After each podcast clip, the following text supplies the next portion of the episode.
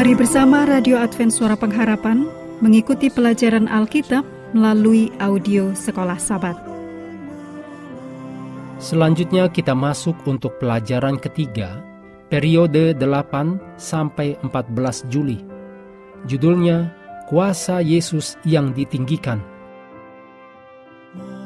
Mari kita mulai dengan doa singkat yang didasarkan pada Yuda 1 ayat 25. Allah yang Esa, Juru Selamat kita oleh Yesus Kristus, Tuhan kita. Bagi dia adalah kemuliaan, kebesaran, kekuatan, dan kuasa, sekarang dan sampai selama-lamanya. Amin. Kuasa,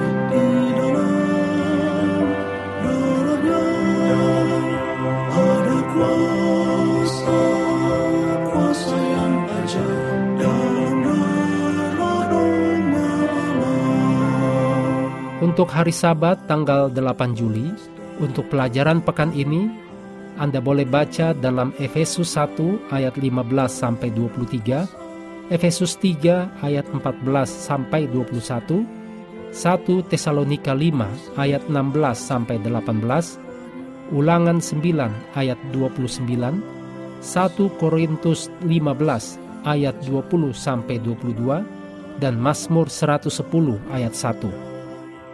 Ayat hafalan dalam Efesus 1 ayat 19 dan 20.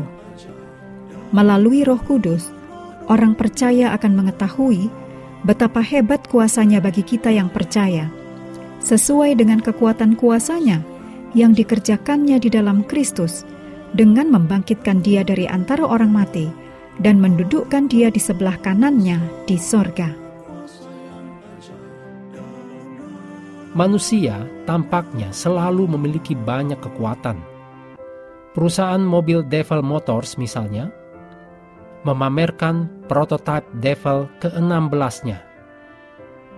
Kendaraan dengan mesin 16 silinder 12,3 liter yang menghasilkan lebih dari 5.000 tenaga kuda atau jika itu belum cukup, pertimbangkan semi-truck Peterbilt yang menggunakan tiga mesin jet Pratt and Whitney J3448 menawarkan 36.000 tenaga kuda.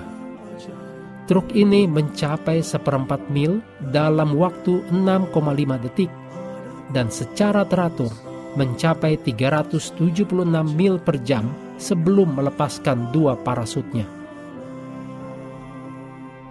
Sebaliknya, Paulus berdoa agar umat percaya di Efesus yang berada di dalam godaan mengagumi berbagai kekuatan dan dewa budaya mereka akan mengalami melalui Roh Kudus besarnya kuasa yang Allah sediakan bagi umat percaya di dalam Kristus. Kuasa ilahi ini tidak diukur dalam tenaga kuda atau sihir, tetapi terlihat dalam empat peristiwa sejarah keselamatan yang mengubah alam semesta. Yang pertama, kebangkitan Yesus. Yang kedua, Kristus dimuliakan di tahta Allah. Yang ketiga, segala sesuatu ditempatkan dalam ketaatan kepada Kristus. Yang keempat, Kristus diberikan kepada jemaat sebagai kepalanya. Demikian ditulis dalam Efesus 1 ayat 19 sampai 23.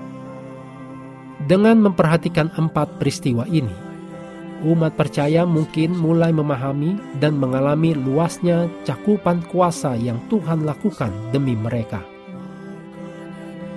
Mengakhiri pelajaran hari ini, kami terus mendorong Anda untuk mengambil waktu bersekutu dengan Tuhan setiap hari bersama dengan seluruh anggota keluarga. Baik melalui renungan harian, pelajaran sekolah sahabat, juga bacaan Alkitab sedunia, percayalah kepada nabi-nabinya, yang untuk hari ini melanjutkan dari Mazmur pasal 63. Tuhan memberkati kita semua.